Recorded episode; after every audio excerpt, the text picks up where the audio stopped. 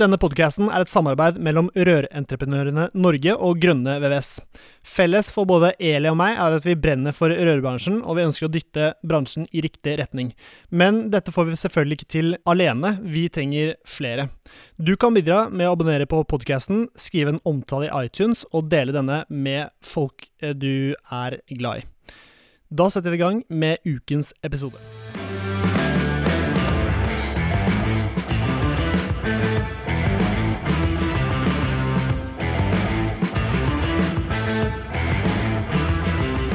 Hei og hjertelig velkommen til en ny episode av Bare Rør med Eli Hermine Heidal Eide fra Rør-Norge og Severin Poppe Midteide fra Grønne VVS.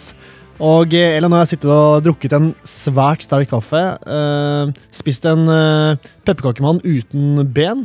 Og uh, slappet i meg litt eh, godteri, for nå er det, nå er det advent. Og eh, Snart jul. det er stemning her i podkast-lokalet. -hmm. Ja. Veldig koselig. Har du tatt deg noen, eh, noen pepper- pepperoni, eller? Altfor mange pepperkaker nå Ja, du har det? Ja, jeg sliter litt der. Ja, det kunne jeg tenkt meg, altså. Ja. Men eh, ja, hva skjer om dagen? Er det noe nytt på trappene?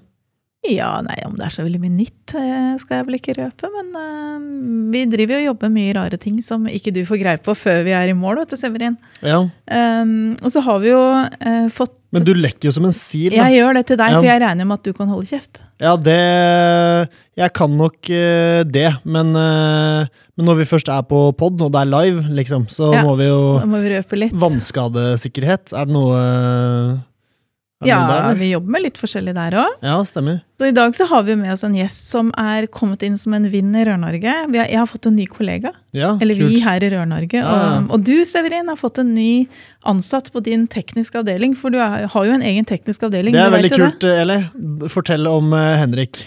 Henrik heter da Henrik eh, Seljeseth Berg Altså, du har langt navn. Berg-Olsen.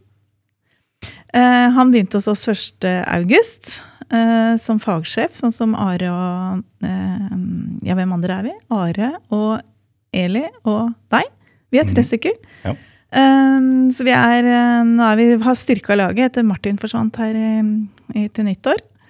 Um, kan ikke du fortelle litt om deg sjøl først, eh, Henrik? Sånn at liksom, alle som hører på, blir kjent med deg. For du er jo en som er fri tilgjengelig å kontakte for alle medlemmene i Rør-Norge, du også, sånn som jeg og Are og Oddgeir er. Det er jeg, ja. Eh, Jeg heter Henrik. Eh, Jeg begynte i Rør-Norge i august. Eh, Da fikk jeg mikrofonen litt nærmere, det var bra. Takk. Bare Eh, hyggelig. Eh, Og eh, ja, nå har jeg jobbet her i snart hele høsten. Det er jo blitt fire måneder og, og vel så det. Begynner å bli varm i trøya, da. Begynner å bli litt varm i trøya, begynner å finne min plass litt. Grann, eh, og ser potensialet for å kunne bidra med masse ting, så det er veldig spennende. Men Henrik, hvordan er det å jobbe med, med denne virvelvinden av et uh Han ser på meg som rolig og avbalansert, det er jeg helt sikker på. Nei da. Hvordan er det å jobbe med Eli? Det, er veldig fint. Det, eh, du, Vilbin ja, hun, er, hun er aktiv, og det er veldig bra for hele Rør-Norge. Ja, det går, det går rykter om at hun kan stå på hodet og turne og sånn. Gjør hun det i gangene her også, eller finner det sted? Eh, Det har jeg ikke sett ennå, men Nei, eh, kanskje har- jeg får se det en gang. Etter fem har jeg hørt det skjer. Ja, eller hvis litt sånn innabords, så kan det hende det går litt gærent. Men det gikk bedre i ungdommen. Sist jeg slo hjul, var jo i nærheten av deg, Severin. Ja, det, Fikk du med deg det? nei, det hadde jeg husket det, tror jeg. Nei, altså, du var kanskje ikke der da, men når rørambassadørene var i Ystad og besøkte Purus, oh, ja, jo, det fikk jeg med. så tenkte Ja, ja. jeg Det var en eller annen Han Benjamin fra Finnmark, han slo hjul. Så tenkte jeg, shit, jeg er jo like god som han til det. Så jeg tenkte at da kan jeg bare litt sånn diskré slå et hjul, bare for det var så lenge siden. da. Så jeg glemte at jeg hadde på meg litt trangt skjørt, så jeg ramla jo sammen som en sekk. Og det var så kleint. At du skal eh, diskré slå, slå hjul, det det, gikk jo helt er det bakerst. sykeste jeg har hørt. Og så, Mm. skal det jo sies at å slå et hjul når du er gammel turner det er ikke noe er big deal. Nei, å slå et hjul, da, det burde du Det burde jeg. Det burde du kunne, Ja. altså. Mm. Men ikke med trangt skjørt. Nei. Det skjønte jeg plutselig, da. Nei. Nå snakka vi oss litt bort her, Henrik. Ja, jeg kan ikke bidra med å slå hjul og sånn. Så Nei, men du er god til noe annet, for at vi, må jo, vi må jo bli litt ordentlig kjent med Henrik. Ja, la oss uh, bli det. Gaming, Henrik, det er uh, noe, du, noe du driver med. Ja, vi snakka litt om det i stad. Jeg koser meg med gaminga. Det er en fin måte å, å koble ut på. Ja, stemmer. Men så er den ganske sprek òg, skjønner du. Eller du var i hvert fall. Jeg vet ikke om du er like sprek ennå. Jeg tror du løper og herjer litt ennå, gjør du ikke det? Eh, jo da, men det er veldig sånn uh, mosjonistnivå, ja. Men du har drevet med friidrett? Det har jeg. Ja. Ja. Så det er jo, Han nå er en er det fyr. Mm. litt over ti år siden jeg la opp, så da, da er den formen vekk. Jeg. Men har du tenkt at eh, Kaja som har begynt hos oss, er jo også tidligere friidrettsutøver. Eh, Så vi har snakka litt om at dere burde kanskje lære oss andre å løpe litt. Ja, ja, det er Um, litt teknikktrening kan ja. jeg begynne å bidra med. Det kan det hende vi må bli litt bedre der. Altså. Mm. Skal se vi kommer skikkelig siget før sommeren. eh, Med sikkert. Da, vet du. Ja, kanskje det. Ja, løper to etapper hver, liksom. Vi er ikke så mange. Skal vi si det nå, eller at dere blir eh, Hva har du kalt det? Ho- Holmenkollstafetten? Stafetten. Holmenkollstafetten. Årlig Ja, hvis du er med på laget vårt, Severin. Ja, jeg vet, jeg tror, men jeg tror du sa noe med spretten. Nei, da har jeg den der derre det var stafetten. jantespretten eller jante... Jente...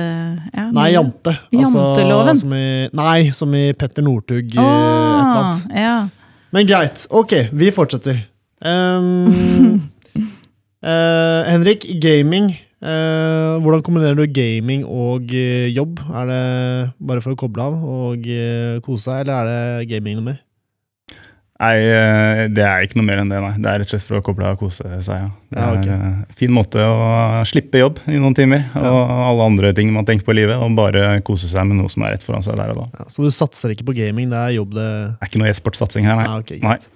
Skal vi gå og starte på dagens uh, tema, eller? ja, Ja, det kan vi. Da kan du introdusere. Ja, eh, vi har jo snakka om uh, Tech17 tidligere. Men jeg føler vel stadig vekk, når jeg ser på hvor mye spørsmål vi får rundt tolkning av TEK17, at det er et litt sånn utømmelig eh, tema. Eh, og i og med at Henrik er veldig god, har jeg opplevd, da, erfart for disse månedene han har jobba sammen med meg, eh, på det området her, så tenker jeg at det var en fin introduksjon av deg, hvor du kan på en måte Hvor vi snakker litt om tekken, kanskje spesielt litt sånn bakgrunn for og hvorfor det er der. Og øhm, litt sånn i, i mm, lys av det at tekken er noe alle må forholde seg til. Alle slags rørleggere, alle som driver et firma, alle må forholde seg til tekken på et eller annet nivå. Det stemmer, ja. Uh, enten om det er nybygg eller eksisterende bygg. Mm. Uh, og det der å kanskje sette litt sånn tydelige rammer på når må du forholde deg til tekken, uh, og hva du liksom må tenke litt på og vite noe om, det tenker jeg kanskje du kunne vært en bra fyr å mm, snakke med om det, da. Ja, nei, vi kan prøve å, å informere litt uh, om det, ja. Det er, uh, det er uh, et viktig lovverk som rørleggere må følge og ha kunnskap og kjennskap til. Men litt sånn historisk da, den første tekken jeg kan huske, det var jo den Tek 1997. Mhm. Eh, så den kom da i 1997.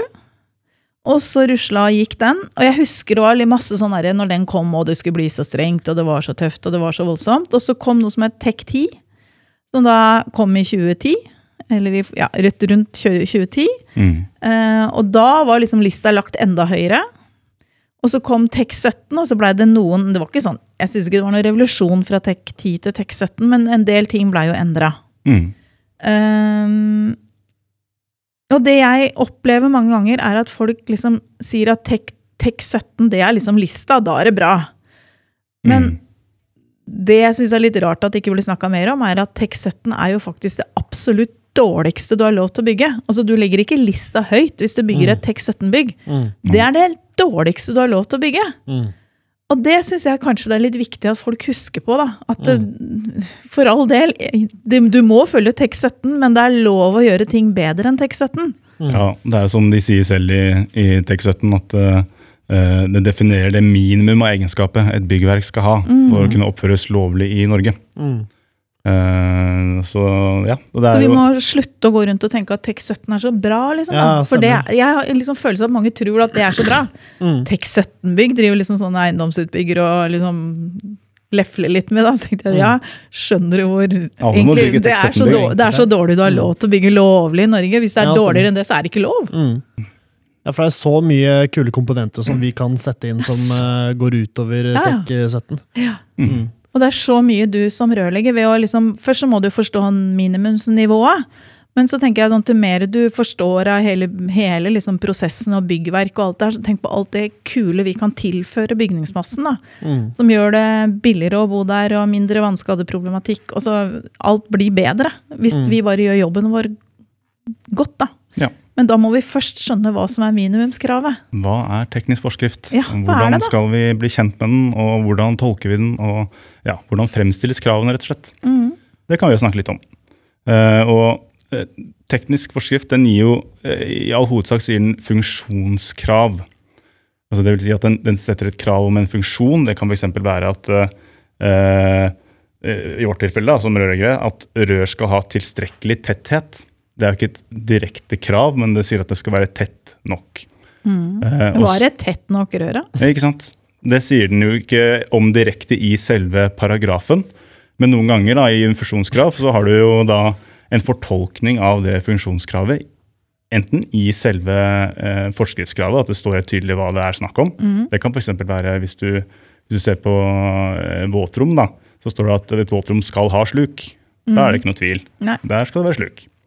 Eh, tilstrekkelig tetthet må jo tolkes. Hva er egentlig tilstrekkelig tetthet? Og da eh, kan det hende at de gjør det i veiledningsteksten, for der kan de introdusere noe som heter preaksepterte ytelser. Og der står det kanskje da en forklaring på hva de mener, eller hva som er preakseptert ytelse for det funksjonskravet. Så det betyr egentlig at hvis det er noe som er Altså, du har sjølve lov, lovteksten, altså det som står i tekst 17, Mm. Og så har de lagd en liten sånn forklaringsgreie som heter veiledning. Mm. Og i den veiledningen så kan du da, istedenfor å kalle det preakseptert, så kan vi altså si at uh, gjør du det på denne måten, så er det greit. Det er egentlig det det er snakk om. At hvis du følger det som heter såkalt preakseptert, Ja. så er det greit. Da Mm. trenger du ikke å plundre så veldig mye med å dokumentere noe bør Du vise til at du har brukt den preaksepterte ytelsen ja, for å, For for å tilfredsstille funksjonskravet. Men hvis du ikke bruker den preaksepterte ytelsen, så må du dokumentere at det er godt nok. Ja, og det er ikke alltid at du har en preakseptert ytelse som eh, fortolker hele funksjonskravet heller. Det kan være deler av et funksjonskrav. Så da kan du jo velge å benytte deg av den preaksepterte ytelsen for deler av funksjonskravet, men så må du samtidig gjennom din prosjektering, da, for det er jo ofte de prosjekterende, ansvarlige prosjekterende i prosjekter, som, som skal eh, dokumentere at funksjonskravet er oppfylt. Eh, og, eh, og det er ikke alltid at du har en preakseptert ytelse å lene til eller bruke. Men da må du kunne vise gjennom det prosjekterte underlaget at dette her er eh, godt nok for å dekke funksjonskravet. Er det Nå- mye du prosjekterer, Severin? Ja, ja. Ja. Hva da? Det er det. Hva er det du jobber med som du prosjekterer? Nei, renovering av eneboliger, eksempel. Ja. Mm, så der er det mye med det. Men jeg tenkte um, Vi snakker liksom om TEK17, og du har jo den lille tekken, som er en jækla liten bok. Men hvis du skal finne Tek er bok. Det er en bok òg, ja. TEK17, jo. Nei, den er bare digital, så vidt jeg veit. Eh, Jeg har bare brukt den digitale for. Jeg vet ikke om det kan jeg hende Kanskje at du finner en utskriftsversjon av den også. nei, Ja, men da er det kan kanskje hende. TEK10, da. Det kan Ja, den har jo vært ute av bildet i fem år, da. Så jeg håper ikke du ja, fortsatt Nå ble jeg med den. nysgjerrig, Ja. men det Jeg har Dette kan jeg ikke svare på. Så. Jeg har aldri jeg hørt at. TEK17 er eh, noe utskriftsbar, for den er jo under Men hva var det jeg tenkte på? da? Rørhåndboka. Tekniske bestemmelser. Som er noe annet. Ja. Jo, jo. Nei, men eh, tekniske bestemmelser er en sånn eh, liten bok der hvor du regner ut eh, Sånn, du tenker Eh, på, du tenker Standard abonnementsvilkår. standard abonnementsvilkår. Tekniske bestemmelser, ja. ja, Tekniske stemmer. bestemmelser, Mm. Men det har ikke noe med TEK17 Nei, gjøre. det, det var derfor jeg Men hvor, hvor finner du TEK17? Tek 17, Det er veldig lett. Ja, jeg vet det, men uh, dibk.no. Dibk.no. Ja, Mm. Direktoratet for byggkvalitet.no. Mm. Og der står det på forsida TEK17. Så det er lett å finne. Så det er bare å klikke på den, og så bretter det seg ut i all sin eh, Det er masse, masse bokstaver. Ja. Mm. Men det er jo litt sånn um, Og det er viktig å liksom plassere det litt òg, da. Ikke sant? Vi har Røronboka, som er en bransjenorm. Og så har vi standard abonnementsvilkår, som er da en sånn liten bok som har tabeller for dimensjonering og en del sånne regler rundt bare sanitæranlegg. Mm. Og så har vi TEK17 som omhandler hele byggverket, som gjelder i hel, alle, altså alle som skal bygge et bygg som er søknadspliktig i Norge, i hvert fall, må forholde seg til TEK17. Og det er noe som ligger digitalt inne på DBK sine sider. Um, Uh, uh, uh, og, og det gjelder i alle kommuner i hele Norge. Så om du bor ute på Røst, der hvor jeg ferierer, eller om du holder til midt i Oslo her, så er det akkurat de samme reglene Mm. i TEK17. Mm. Hva blir neste, neste tekken? Det veit vi ikke, fordi at det går litt på eh, når DBK kommer på at de skal revidere igjen. Jeg veit ikke om de har noen planer om revisjon nå. De gjør smårevisjoner underveis. Det blei gjort en revisjon i 2016 for eksempel, på energikapitlet, som ikke blei en egen TEK, det blei bare en revisjon av TEK 10, og så kom ny TEK 17 da i 2017. Mm. I Danmark så har det Jeg syns jo det er trist at det ikke er mer forutsigbart. For vi har på en måte Det å drive bedrift er ikke så lett hvis du ikke har forutsigbarhet i forhold til hva du skal planlegge. Mm. Men i Danmark så veit de nå liksom når neste tech kommer, og egentlig mye om hva det inneholder. Mm. Så de, har vært, de er litt mer på ballen enn Norge der. Vet du hvordan den ser ut i forhold til Aner eh, ikke. Nei. Nei. Men, eh, men i hvert fall for for å ha satt det, liksom, det skapet på plass, da. Ja, At Så er Tekken ikke er en bok. Tekken er ja, nei, du, Jeg tror ikke du får kjøpt den. Jeg tror du fikk Tek 10 i en sånn utskriftssak med noe våpenskjold og sånn på forsida. Ja. Men Tek 17 får du bare på nett. Vi er, Internett har kommet for å bli. Ja, det er sant. Mm. Og hvilke, hvilke, hvilke saker i Tek 17 er det som er mest omdiskutert i rørleggerfaget om dagene? I rørleggerfaget om dagen så er det eh, et krav til vannskadesikkerhet Mm. som er eh, det mest omtalte, ja. Mm. Da Det er Ja. jo sånn at det er, der er det 15 eller 17 kapitler i Tekken. Men det er jo ikke alle kapitlene du som rørlegger trenger å forholde Nei. deg til. Sånn når du åpner den, så kan det være litt sånn overveldende å tenke at du skal lese gjennom hele greia. Mm. Men hvem, hvem kapitler i Tek 17 tenker du at eh, jeg som rørlegger, enten jeg er lærling eller rørlegger, driver en bedrift, burde, eller prosjektleder, Mm. eh, burde Altså, det, er jo, det er jo ganske mange av kapitlene men som man må innom og ha litt Jo, men kjennskap ikke til. hele. Nei, det er det ikke. Eh, og hvis du tar på en måte den rørtekniske biten først, da, de som setter krav til de installasjonene som rørlegger uh, gjør, så, så det første kapitlet er vel kapittel 11, og det er eh, kapittelet heter sikkerhet ved brann. Og der kommer jo inn eh, krav til, eh, eh, til automatisk brannslukking, altså sprinkleranlegg osv mm. som man må lese om der. Eh, og også manuell slukking, altså at du har brannskap og den type ting. Og så har du et eget underkapittel der som heter 1110, eh, som, som sier noe om at eh, de tekniske installasjonene at de ikke skal være med å øke faren for at brann oppstår eller sprer seg osv. Så, videre. Mm. så der under kapittel 11 så er det en, en del ting en rørlegger må, må se på og, og forholde seg til. Mm. Ja. Hadde ikke vi en egen episode om sånn branntetting og sånn? Jo da, det hadde vi. Så det er jo på en måte en del av det, tenker jeg, da. Mm. Eh, for det er jo en masse regler og sånn. Du kan jo grave deg ordentlig ned og bare jobbe med det hvis du vil det òg, ikke sant? Ja. Eh, så det blir jo på en måte Det å klare å se den tekken som et sånt bilde på hele bygget, og så er det liksom Det er forskjell på vinduer og U-verdi, og hvor mye varmetap du har i et vindu, og eh, hvor høy kant det skal være på membran på badet ditt, liksom. Mm. Men det står og beskriver litt forskjellige steder, da. Mm. Eh, men da sier du at kapittel 13, 11 først, det var Mm. brann. 11, ja. Det er sikkerhet ved brann. Og så har du jo kapittel 13, som er inneklima og helse. Mm. Der står det ting som en rørlegger må forholde seg til. Hvorfor starte på kapittel 11? Hvorfor Fordi jeg det gjorde det er mange Ja, fordi før du det. gjorde det nå, ja. Ja, nei, Det Ja, starter ikke på det. Det er mange, Nei, jeg bare tenkte hva det er ti kapitler før 11. Enkel hoderegning. Men det var det jeg tenkte, det første på måte rørtekniske. Ja. Det bra. Er Så du kan hoppe over de ti første kapitlene med, uten å ha veldig dårlig samvittighet. ja, bare- Nei, ja, Du må ikke hoppe over det. Jeg kan si litt om det etterpå også, for det er, det er ting som er relevant for rørleggere der òg. Men- Men, men sånn rørtekniske, så tenker jeg at det er kapittel 11 første. Ok. Uh, det kommer til også kapittel 13, inneklima og helse. Der er det uh, sånn, jeg tenker i all hovedsak to underkapitler, eller paragrafer. Eh, 13.4, som handler, omhandler termisk inneklima. Eh, og Hva er termisk inneklima, Severin? Vet du det? Nei, det gjør jeg ikke. Det er eh, temperatur inne. Eh, at du skal på en måte, Det kravet som står om termisk inneklima, det handler om eh, eh, hva som er godt nok innenfor forskjellige bygningskategorier. da. Ja, Eh, enten om det er en bolig, hva, hva kan du forvente av en, en temperaturer inne?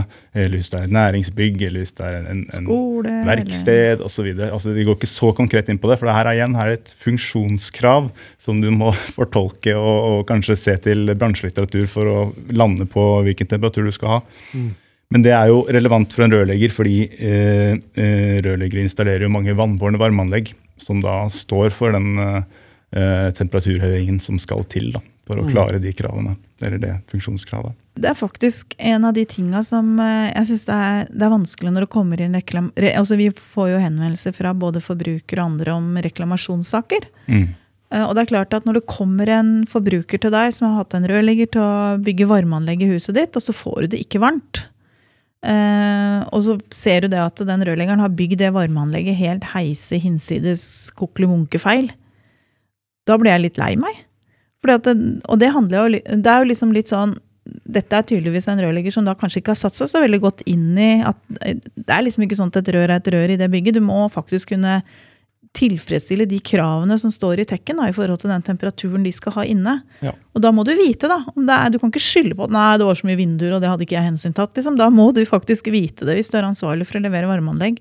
Du må Og regne du må hensynta, ikke sant. Du må se åssen effektbehov er det i den stua som ligger oppå toppen av det huset med masse vinduer og Mm. masse kaldras kanskje, og selv om U-verdi på vinduene er god nå, så er det viktig å vite hva du driver med. Da. Det er liksom, hvis du ikke skjønner det, så hold deg unna tankegang, tenker jeg da.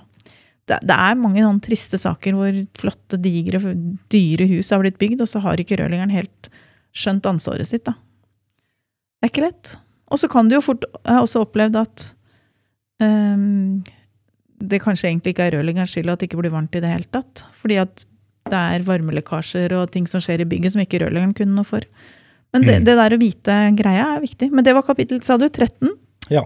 Det har et annet, eh, en paragraf under kapittel 13 nå, som er 1315, som da er eh, våtrom og rom med vanninstallasjoner.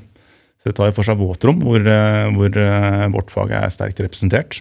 Det er jo der vi har eh, mange av våre installasjoner. Mm. Eh, Men også da eh, rom med vanninstallasjoner. Eh, Andre rom med vanninstallasjoner, altså det som ikke er våtrom. Det kan jo være separat toalettrom, du har kjøkken, du har da kanskje vaskerom som ikke er definert som våtrom. Men de- der sier noe om eh, bl.a. vannskadesikkerhet, altså synliggjøring av lekkasje osv. Så, videre. så det er veldig et kapittel som det er, man bør ha kjennskap til. Mm. Og så er det jo flere kapitler. Kapittel 14, som heter Energi. Der eh, har vi også, spiller vi en viktig rolle. Eh, det er jo litt inn på det vi snakket om i sted, med termisk inneklima. Vi, vi har jo krav til eh, eller bygninger over 1000 kvadratmeter har jo krav til å ha energifleksible løsninger som eh, enklest tilfredsstilles gjennom vannbårne varmesystemer. Og der, der, er vi, der er vi inne og gjør noe. Jeg hadde, var på et møte en gang hvor en stor eh, eiendomsbesitter sto i en debatt og sa at han syntes ikke det vannbåren varmegreiene var så veldig fleksibelt. Han, I hans hode så var jo da et, eh, et fleksibelt system var jo han, han var jo eiendomsbesitter og vant til å bygge om kontorer og sånn. Så han syntes jo vannbåren varme var noe dritt, for at da satt jo radiator rundt på veggene, og du kunne ikke flyttkaste rundt på det sånn som du ville. Så det var hans bilde av hva en fleksibel løsning var. Mm. Mens vårt bilde er jo at det er et system som kan bruke forskjellige oppvarmingskilder. Mm. Sånn et, når noen sier at det er viktig at det er en energifleksibel oppvarming, så handler det rett og slett om hva du som rørlegger setter inn av energikilde. Om det kommer fra fjernvarme, eller om du bruker en uh, ren elektrisitet, eller om du bruker varmepumpe eller bio eller whatever. Det der å sette, bygge hus med energifleksibel oppvarming er jo på en måte eh, vår, vårt bidrag til at eh, dette grønne skiftet kan gå sin gang. 40% av all energi som brukes i Norge, brukes i, i fall sånn rundt, da, sånn rundt sett, til oppvarming. Det kunne vi kanskje brukt til noe annet. Mm. Så er det jo et steg på veien om at vi forbereder. Da. Fortsatt så forbereder Tekken oss på at vi skal bruke mer energivennlige eh, oppvarmingsmetoder. Ja. Eh, så vi håper jo at kanskje stille enda sterkere krav til hva den kilden er i fremtiden. da. Mm. Vi har jo jobba mye med å prøve å øke nå er Det jo, eh, det står i tekken at minimum 60% av oppvarmingsbehovet på bygg over 1000 kvadrat må være energifleksibelt. Det betyr at hvis du har 100 kW behov, så må minimum 60 av dem kunne brukes til, eh, altså på et varmesystem. Da. Du kan for så vidt regne inn ventilasjon også hvis det er vannbåren oppvarming i tiluftstemperaturen. Før så var det jo, altså i TEK10, eller fram til 2016, så var det jo krav for alle bygg opp over 500 kvadrat. Eh, Så ble det endra i 2016 til alle bygg over 1000 kvadrat. Noe jeg syns var en tabbe av DBK. Vi burde holdt på de 500 kvadratene. Mm. Eh, For det er klart, nå kan du bygge Det er mange som spekulerer i å bygge bygg opp til 999 kvadrat, og så putter de inn panellommer, og det er ikke veldig gøy å kjøpe det huset, liksom. Når du bare er helt avhengig av elektrisitet. Nei. Så mm. Enig. Er vi enige om alt? Har du noe. Men eh, når du tenker sånn eh, Når du prosjekterer sånn total, Hvis dere skal totalrehabilitere en bolig, så blir jo Mm. det TEK 17-krav på den boligen. Mm. Er det vanskelig å oppnå det? Nei, det er bare å åpne den lille boken, og så Bortsett fra at det var en annen bok, da. Ja. ehm, nei, det, det er alltid småcaser der hvor vi må, må, bruke, må bruke huet litt, men det er jo pff, egentlig ikke hvis det ikke stilles kjempestore krav fra, fra kunde på, på plassbehov inne på teknisk rom, f.eks., og det ikke blir veldig krøkkete, så tar vi oss til rette, og så er det noe vi tenker, tenker på i tidlig fase, og da Mm. pleier det ikke å være noe, være noe problemer. Nei. Ja, så det pleier å gå greit, altså. Mm. Mm. Vi kan jo, vi kan jo snakke litt om eh, når eh, teknisk forskrift er, eh, må benyttes, da. Ja. Eh, som vi snakket om eh, innledningsvis her, at eh, det er ikke bare ved nybygg vi bruker det. og det er som du sier, når du er inne total rehabilitering, eller, eller ja, hva er lista? da? Hvor legger du lista for når TEK 17 gjelder, og du trenger å benytte deg av det? Og der er jo sidene til Direktoratet for byggkvalitet eh, veldig gode. Eh, Hvor finner du det? det starter fra forsida, og så har du en, en lenke som heter 'bygge eller endre'. Mm. Intuitivt, i og for seg. For det er jo det vi, Altså vi på snakker om her forsida til dibk.no? Ja, rett Ja. over eh, lenken til byggteknisk forskrift med veiledning til X17. Ja. Nå har jeg veldig tregt internett her, så jeg kommer jo nesten ikke inn her. Men fra den lenken da, så kan du gå inn og, og se på eh, hvilke type arbeid er det man skal gjøre i boligen. Og så kan du slå opp på flere typer eksempler. Og så sier eh, siden til deg her er f.eks. ikke søknadspliktig, men relevante krav i TEK17 gjelder. Mm. Og Da er vi nede på for eksempel, hvis man skal bytte ut et rørstrekk da, i en bolig eller en leilighet, eller noe sånt, Mm. da trenger du ikke søke om å gjøre det. Men relevante krav i TEK17 gjelder. Mm. Og tenker jeg, hva, hva er relevante krav i TEK17 for hvis du skal bytte ut et rørstrekk? Utskiftbarhet, tenker jeg umiddelbart. Utskiftbarhet f.eks., eller det kan være eh, eh, altså krav til Du har et krav i teknisk forskrift som sier at eh, den skal være eh, tett. Tilstrekkelig tett. Ja, den er fin. Ja, den er, den er fin, og, pre, og da har du en preakseptert ytelse som sier noe om hva er tilstrekkelig tett. Mm. Eh, og det er eneste måten du kan finne ut av det på, er jo ved trykktesting. Mm. Det betyr at du er nødt til å trykkteste den installasjonen du, du bytter ut. Eller ja, Men da må du vel også dokumentere at du faktisk har trykktesten? Er det ikke krav om det? det er krav til å dokumentere det, ja. Så da skal du jo ha med en protokoll som viser at du har gjennomført den testen. Ja.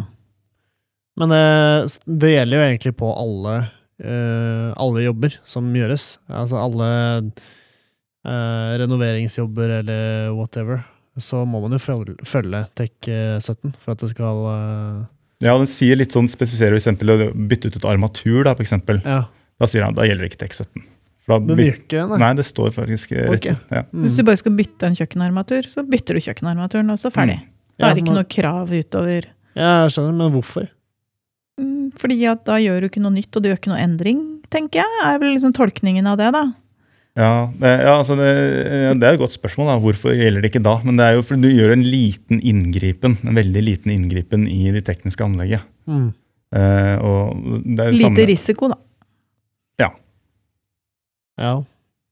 Men nei, du tenker når, hva, hva tenker du at burde gjeldt når du skal bytte ut en armatur, da? Ehm. Nei, si det. Jeg, jeg har ikke peiling, altså. Hvis du bygger om et kjøkken derimot, Henrik, da Mhm. blir det vel litt annerledes. For at det en, Nei. Jo, Nei. Ikke hvis du ikke flytter rørene. nei. Mm. Men hvis du bygger om et kjøkken, og kummen plutselig står et annet sted enn der han Mm. sto før, det er forskjellen. Eller hvis du setter inn en ny oppvaskmaskin, altså ikke har vært oppvaskmaskin før, Ja. da kommer du jo til anvendelse de reglene i TEK 17. Stemmer det, Henrik? Uh, ja. Det stemmer. Det er vi veldig ofte borti. Um, Da er det på med water guard, for eksempel, på de gamle kobberrørene. Og så, så har man opprettholdt eh, kravet. Ja. Mm. Eh, det som er litt sprøtt, er at du setter jo da inn en ventil Hvis du setter den inn i kjøkkenbenken, vil jeg merke, da. Mm. Så setter du inn en ventil med to skjøter til som kan begynne å lekke. Ja, det er sant. det er ganske sprøtt. Ja, jeg syns uh, Men i i en tatt en waterguard er jo sykt lite sexy. Det er jo ah, den teip, ledningteip og full pakke. Altså, det er jo selvfølgelig funksjon, funker som var det, hvis man gjør det riktig. Men uh, fy fader, for en eh, usexy og klumsete sak, ass. Ja. Da er vi inne på det med vannskadesikkerhet og diskusjonen rundt det. Ja, og uh, det med å gjøre ting ordentlig og riktig, og med yrkesstolthet. Uh, litt om det, da, for det er jo Jeg føler det er den største lekkasjeprevensjonen, holdt på å si. Mm. Ja, ikke årsaken, men hvis du gjør det ordentlig, og ja, burde, burde være noe behov for en lekkasjesikring, da, hvis de gjør det sånn som det skal, eh, skal gjøres. Er det noe vits i å ta lappen da, hvis du syns du kan kjøre bil? Um, nei, men jeg føler det kom Altså, som du sier, da, med de skjøtene, at det blir bare noe ekstra Ekstra Mm. mas, da. Mm. Ehm, For jeg kjenner jo veldig flinke håndverkere som også har driti seg ut. da. Og det er jo derfor han Oddgeir på jobben her hadde jo en vannlekkasje i leiligheten sin nede i Ungarn. Der hvor de bor, da. Eller har feriehus. Og som han sier, nå skjønte jeg plutselig poenget med en vannstoppventil. mm, For det er klart Hvis han hadde hatt en vannstoppventil der, som han var sjelden, eh, som kanskje kunne vært skrudd av når han låste døra si, mm. at vannet ble skrudd av i leiligheten, da, så hadde jo ikke den skaden skjedd. Og det er klart eh, Nei, men så har du liksom Ok, vi setter, eh, vi setter waterguard til eh, oppvaskmaskinen, da. Og så begynner det å lekke fra kjøkkenarmaturet. mm, Ja, men satt jo på kjøkkenarmaturet til kaldt vann også. Ja, ok, men det var fra varmtvannet. mm. Eh, ja, det, det begynte Da å er- pipe, ja. men vi var på ferie, og så er det like langt, liksom. Det Mm. er jo så mange steder det kan eh, Mye feil som kan skje.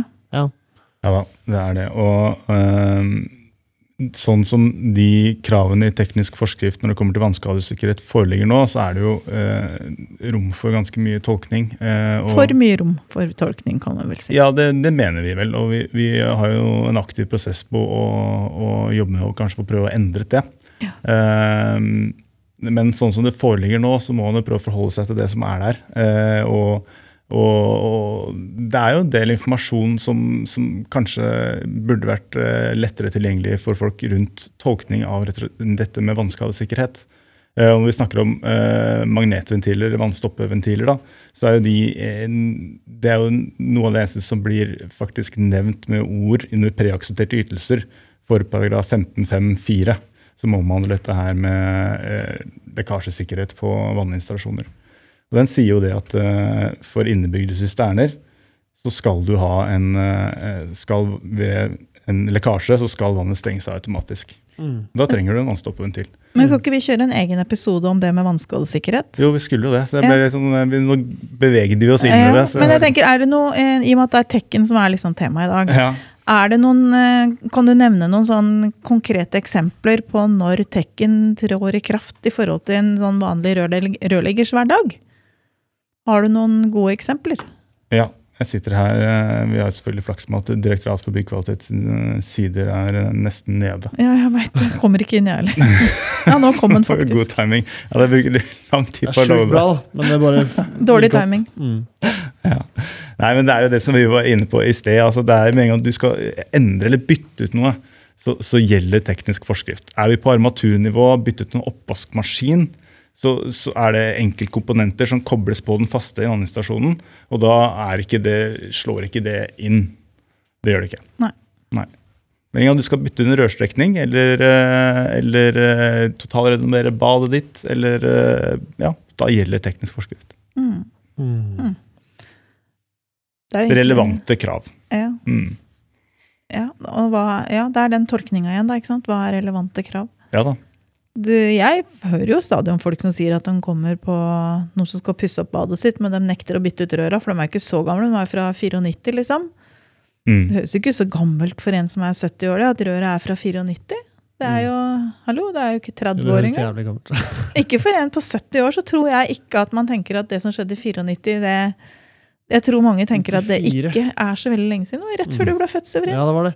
Men um, Kvarter siden. det, det, det skulle jo vært en tech, eh, en tech som beskrev det aller beste. Det hadde vært enda kulere, for da Um, Da har man noe å strekke seg etter, istedenfor tech, tech 17, som er sånn Ja, det er uh, egentlig det laveste. Det, Vi har- ja, vi har jo noen eksempler på det. Ja, vi har det. Mm. Ja, hva mente du? Tenkte på. Jeg tenkte på disse Future Built og disse passivhusa og det som er blitt bygd som en sånn litt sånn eh, Ja, hva skal jeg si? Ja? Sånne prøve, eller prosjekter hvor de har testa ut liksom ekstremt gode løsninger. Da, som har Ja. lite energitap og liksom veldig mye løsninger som er litt sånn, sånn eh, For det må jo begynne å bli noen år siden, det. Eh, nede i Larvik så har de jo bygd en sånn multikomforthus. Mm Mhm. Eh, som nå begynner å bli ganske Altså det er sikkert snart ti år siden, ikke det Ja. Mm. Men dem var veldig tidlig ute med å bruke produkter som allerede fantes da, Ja. til å eh, bygge fremtidens hus. Det var Mm. Snøhetta som tegna og jeg hadde, flytt, hadde noen sagt til meg at Eli, du kan få lov å bo i det huset, så hadde jeg flyttet inn på dagen. Det er jo så Ja. innmari fint hus. Mm. Men eh, så, så det der å mm, løfte lista Mm. å bygge bedre enn minimumskravene i tekken, eh, er på en måte utforska ganske mange. Mm. Mm. Eh, men jeg har liksom følelsen av at mange rørleggere kanskje ikke er tidlig nok inne i prosjektene, sånn at du får vært med og planlagt. da. Jeg tror det er viktig at rørleggeren prøver å komme seg på banen så tidlig som mulig i det huset, sånn at du kan få komme alle de ideene som eh, berører vårt fag, da, i forhold til gode løsninger. Mm. tror jeg er kjempeviktig. Det vil skape bedre bygg, og vi er jo liksom et viktig fag i forhold til energi og Men det der future-greiene, er det Mm. samme som Tech 17 en eh, slags oppskrift på hvordan du lager gode løsninger? Ja, det var jo noe Brødrene Dal gjorde den gangen Ja, okay. for å eh, vise hvordan det var mulig å bygge, og hvor, Mm. liksom, hvor bra og kult det kunne bli, da, i forhold Mm. til både eh, vannbesparing, eh, energi, ventilasjon, og så Mm. flere Kanskje du må ta oss en tur, eh, Ja, Severin, og se? Jeg elsker det Mm. huset. Jeg syns det er så kult. Og det er mange fine sånn, det er mange kule hus som er bygd etter hvert med den tankegangen, da. Mm. Men vi var inne på det i sted, eh, hvilke kapitler i, i teknisk forskrift som, eh, som er viktige for rørleggeren. Ja. Og det viktigste av de kapitlene det har vi ikke kommet til ennå. vi skulle ta opp tråden ditt der. Tar vi en liten 20 minutter på den? Nei da, det tror jeg vi gjøre. Men eh, kapittel 15, som da eh, heter installasjoner og anlegg, der er det en del eh, veldig sentrale paragrafer for, eh, for rørleggere. Jeg kan jo lese opp de åtte første, da, som dere hører jo av navnet på dem at dette her er sentralt for oss. Mm. Eh, 15.1 generelle krav til varme- og kjøleinstallasjoner. Eh, 15.2 sentralvarmeinstallasjon. Eh, 15.3 var ikke så interessant, røykkanal og skorstein. Men uh, vi hopper til 15.4. Det er varmepumpe og kuldeinstallasjoner. 15.5 innvendig vanninstallasjon. 15.6 innvendig avløpsinstallasjon. Utvendig vannforsyningsanlegg og utvendig avløpsanlegg. Dette her er jo på en måte rett inn i kjernen av det vi driver med. Mm. Uh, Så det er vel kanskje det rørteknisk viktigste eh, kapitlet Mm. i teknisk forskrift for oss. Ja. Men som jeg også sa, så er det eh, andre kapitler som ikke går på det som er viktige for en rørlegger å ha kjennskap til. Eh, og Jeg tenkte jeg skulle si litt om det også. Ja. Eh, og Da, da starta jeg med kapittel to. og Da har jeg vært litt innpå allerede når vi snakket om dette her med funksjonskrav og hvordan man dokumenterer eh, at man tilfredsstiller de. Enten ved at man eh, prosjekterer en løsning som man vurderer etter hvordan bygget skal tas i bruk, er godt nok for å dekke funksjonskravet. Eller at man benytter seg av preaksepterte ytelser hvis de er tilgjengelige for fortolkning for deler eller hele funksjonskravet. Eller at det er da en direkte ytelse som man bare tilfredsstiller. Ref det jeg sa om at det er sluk, her er det krav til sluk. at Da må du ha inn et sluk. Mm. Men i det kapitlet eh, to så står det noe da om eh, hva som må følge med en Dersom du ikke benytter deg av preaksepterte ytelser, da, f.eks., så må du faktisk analysere og dokumentere den løsningen eh, du benytter deg av. Mm. Eh, og, og det skal følge med i bygget. Så dokumentasjon i et, et byggeprosjekt eller en byggesak det er kjempeviktig. At man får med seg alle de tingene som, som definerer det, prinsippene for løsningene du har, og de installasjonene du har installert. Hørtes ut som mye jobb å bruke andre løsninger enn preaksepterte, tenker jeg. Ja, det er jo, eh, Noen er jo, eh, syns jo de preaksepterte ytelsene Ja, nei. Det å bruke preaksepterte ytelser, det er en trygg ja. måte å Bygge på. Ja, bygge på. Det er det, altså. Men noen ganger så har du ikke det tilgjengelig, og da må man jo dokumentere. Mm. Så det er viktig å kunne sette seg ned og bare lese. Det er ikke så mye tekst der, men bare sette seg litt inn og lese og få litt oversikt over hva som faktisk står der. Det burde man gjøre. Og så er Det var også- 15. Nei, nå var vi tilbake på kapittel 2. Kapittel 2 nå. Vi begynte på 11, egentlig. Ja, nettopp. Og så var det 13 og 14 og 15. Og så To. er liksom to okay. Litt annen Han er jo VVS-ingeniør, vet du. Mm. Så han tenker litt annerledes enn deg. Ja. Men det var Men det var sikkert en logisk vi tok det på en måte de eh, rørtekniske tingene. Ja, Og så nå er det litt mer på dokumentasjon Ja, denne gangen her. Sånn ville jeg også gjort det. Og så har du kapittel fire, som også er viktig. Det er også dokumentasjon for forvaltning, drift og vedlikehold, altså FTV. Mm. Uh, den informasjonen uh, du tilbyr brukeren eller bygningseier i, i etterkant av prosjektet for at det skal kunne driftes og forvaltes på en god måte. Mm. Det bør man også kjenne til. Bruksanvisning, rett og slett.